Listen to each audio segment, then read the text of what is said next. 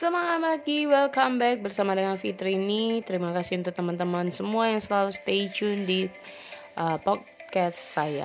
Nah, teman-teman, hari ini saya mau berbagi tentang bagaimana pentingnya kita memiliki satu uh, istilahnya gini ya. Penting sekali untuk kita bisa memiliki satu keyakinan dalam diri kita.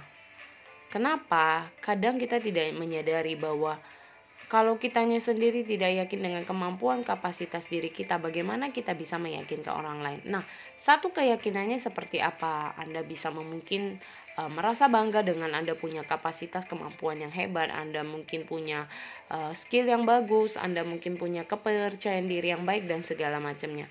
Nah, hari ini teman-teman bukanlah melihat dari sisi negatifnya, namun Anda bisa belajar dari sisi pribadi Anda untuk menjadikan itu menjadi satu motivasi untuk Anda maju selangkah lebih baik. Ingatlah bahwa motivasi terbaik itu adalah dalam diri kita dan bukan orang lain.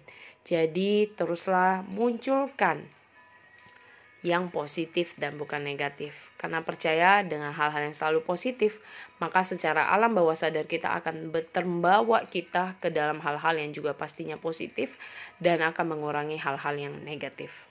Anda mau di positif atau negatif. Itulah pilihan Anda. Semoga ini bermanfaat. Salam inspirasi untuk kita semuanya.